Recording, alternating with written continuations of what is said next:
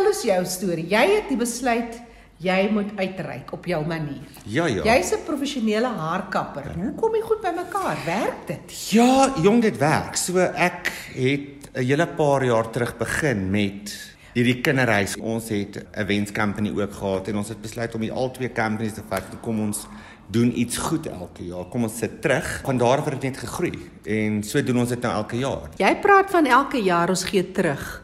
Die laaste 2 jaar het almal maar net eintlik gekyk na sy eie bas om die nodige te doen. Hoe kry jy dit bymekaar getrek? So ek moet jou sê ons het laas jaar in die moeilike tyd waar die events company heeltemal toe was wat teen 'n heeltemal laas gegaan het. Ehm um, die salon het kon vir maande nie gewerk het. Het ons nog steeds 'n Portugese festival gehad saam met ou Aces hou waar ons nog steeds geld gemaak het. En ja, Dis 'n groot challenge want jy moet daai geld uit jou sak uithaal om vir al die mense hier kos te gee en al wat ons verwag het, betaal ons so R100 om na die Portugese festival toe te kom sodat ons dit vir die huis kon oorgee. So dit was nie 'n kolossale bedrag laas jaar nie, dit was baie minder as ander jare, maar ons kon ten minste op die einde van die dag iets doen vir hulle. Ja, dis moeilike tye. Jy praat nou sommer hierso van die Oasis Home. Vertel my 'n bietjie hoe het jou pad gekruis met hulle? Wie is dit? Wat maak hulle? So ons het ek het jare terug saam met 'n ander kinderhuis gewerk. Deur kliënte in die salon, mense wat ek mense ontmoet het, gehoor van nou eises en ek het al besluit dis tyd om 'n bietjie aandag aan 'n ander huis te gee. Mm. Hierdie gaan ons eerste groot funksie wees saam met ou eises. Maar dis nie julle eerste funksie vir kinderhuise nee, nie. Nee nee nee, ons doen dit nou al vir die laaste 12 jaar. Hierdie jaar het ons het ons vir Isis en ons bring 'n nuwe kinderhuis aan boord, Siyabonga kinderhuis. Hulle is in Germiston. Ons het hulle ingebring want een van ons sangeresse wat by die Events Company is, se pater kom uit hierdie huis. So dis dit het vir my gevoel dis die regte ding om te doen. En is ook een van hy suksesstories met hierdie kinders wat musiek maak en so. Wonderlik, wonderlik. Ja, dis 'n amazing storie waar iemand letterlik uit hy sy kom en 'n sukses van sy lewe gemaak het. Arno maar vir jou en jou lewensmaat se kinders, daar's net 'n sagte plekkie vir kinders. Jy het ook twee kinders aangeneem. Jy het hierdie hart vir hulle. Ek het ek het van jongs af as kinders se passie vir my gehad. Ek's baie lief vir kinders en hulle is so vulnerable. Hulle het ons nodig om hulle te stuur. Dit is vir my baie moeilik om te sien dat kinders in kinderhuise opeindig want hulle is so precious. Daar's soveel wat ons het lei kry, nie net wat jy vir hulle gee nie, maar wat hulle vir jou teruggee so. In my persoonlike lewe het ek 'n ongelooflike joy vir die laaste 10 jaar al met um, 'n um, seentjie in my lewe en die laaste 6 jaar 'n dogtertjie wat jou hele lewe onderste bo gooi, maar vir die beste. Mm, absoluut vir die beste en mens leer so baie van jouself in die proses. Ja, dis ongelooflik ja. en die joy wat hulle vir jou bring. Mense dink initially, o, dit gaan moeilik wees en hulle bring ongelooflike joy. Maar Arno, hier by ons sit nou 'n vriendin van jou wat eintlik ook 'n regterhand geword het. Vertel ons 'n bietjie oor die mense wat jou ondersteun om hierdie taak te kan verrig. Ja, so dis bitter moeilik om hierdie ding, veral wat ons nou die 13de November doen. Dis 'n groot funksie. Daar is verskriklik baie hande nodig en jy het mense nodig wat dieselfde passie, want daai mense kom in vir geen betaling nie en hulle moet vir weke en maande voor die tyd saam met jou werk. Ja, Susan is regtig een van haar mense want sy doen dit al ook al van tevore op haar eie. Ons is op dieselfde golflengte en ons weet waartoe ons gaan. So ah. en hoekom ons dit doen? Die groot rede hoekom ons dit doen. Ja, Susan is amazing as dit kom by dit.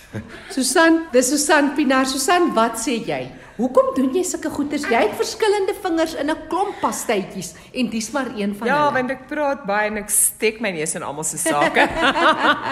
Ehm um, ja, my passie is die lewe. Mense staan elke oggend op en jy kyk na soveel goed rondom jou en mense is so geneig om te kla en te sê dit werk nie en die werk nie en daai werk nie. En dan stap jy eendag by Arno in en Arno sê ons hou 'n show en ek sê dis tyds nie reg nie en dis COVID en dis die en dis daai en 'n paar weke later dan dan besef mense hoekom jy jy dit doen. My passie is die lewe, my passie is opstaan elke oggend en dankbaarheid en betrokke raak by goed. Um, ek sê sergeant major, ek sou storm in die oggend en dan sê ek vir Arne en net onthou van hierdie net onthou van daai en, en ja, ons werk saam as 'n span en en dis my lekker. Dis dis lekker om agteruit te staan en te weet dat jy klein deeltjie kan doen en dit jy kan hoop gee. Ons probeer om iemand se lewe te verander op 'n een eenvoudige manier. En ons probeer om mense daarbey betrokke te maak en ander mense bewus te maak van dit wat ons doen. Net voordat ons gaan na ek en Susan toe en dit wat ons doen en al die werk wat ons doen, is daar 22 ander mense wat inkom en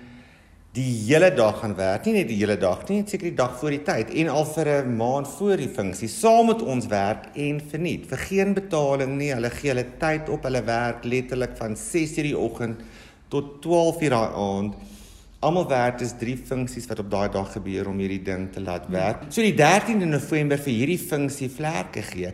Ek en Susan, ons dink ons is fabulous, maar ons kan glad nie sonder 22 ander mense hierdie ding bymekaar bring nie. So ek het 'n ongelooflike span mense wat saam met ons in die projek glo, soos wat ons in ons projekte glo om vir ou eises en vir Siyabonga die maksimum bedrag kan oorhandig want dit is op die einde van die dag wanneer ons gaan slaap in die aand na daai funksie waar ek op my beste voel en dink daar's hy fantasties ons het ons target gemaak nou is ons happy. Dis wanneer ons die lekkerste gaan slaap.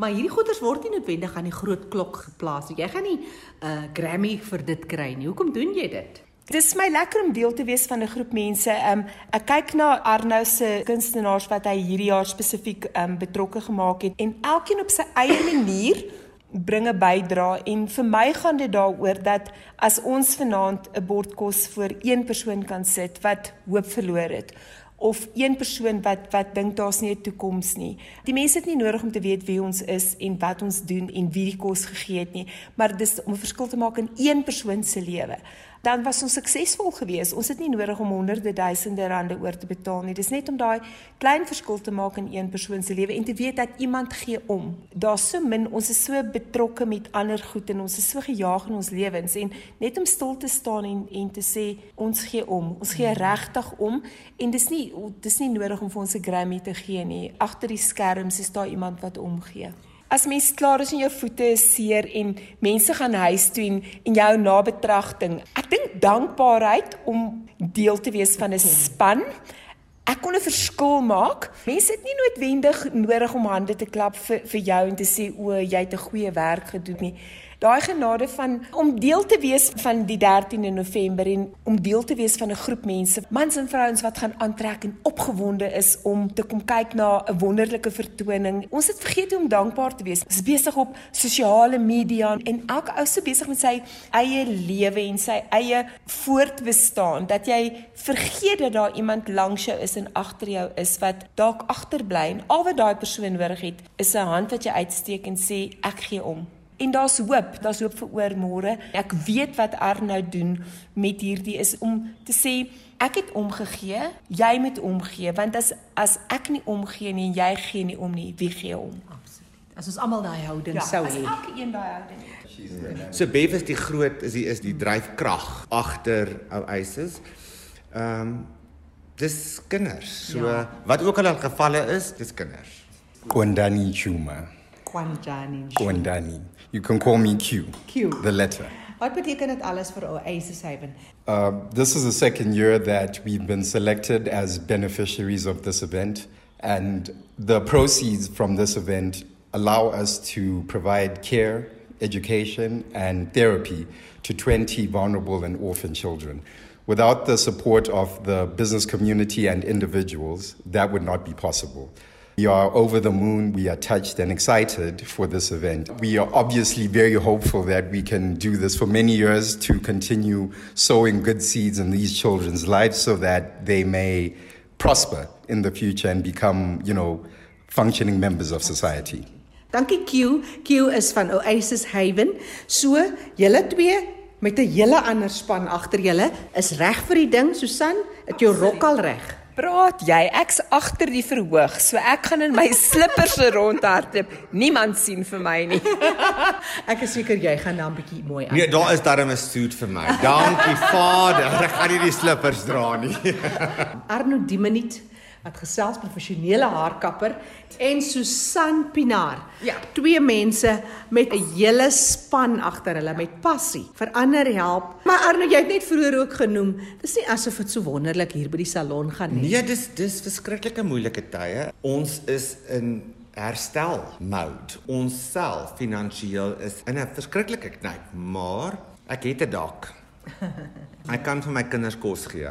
Ek kan betaal vir hulle skoolfondse. En jy het tog so, energie vir 'n ander huis. Ja, en ek dink dis wat mense moet vergeet nie. Dit is nie net oor jou nie. Die lewe gaan oor so bietjie meer as net die kokonnetjie waar ons almal dink ons is happy in is. Jy moet daai kokon breek en sê oor ek's bereid om my hand uit te lê en ek wil help. Ja. Susan, hoe kan mense met julle kontak maak? Ons het 'n Facebookblad, GS Events, g.e.s Events.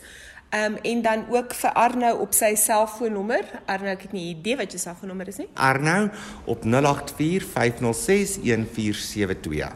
Dis nou onbaatsigtig. Dankie julle twee Susan en Arno wat vertel het van die kinderhuis wat hulle gekies het om te ondersteun. Ek gee graag weer Arno se telefoonnommer 084 506 1472. Ek is Jackie January. Groete tot 'n volgende keer.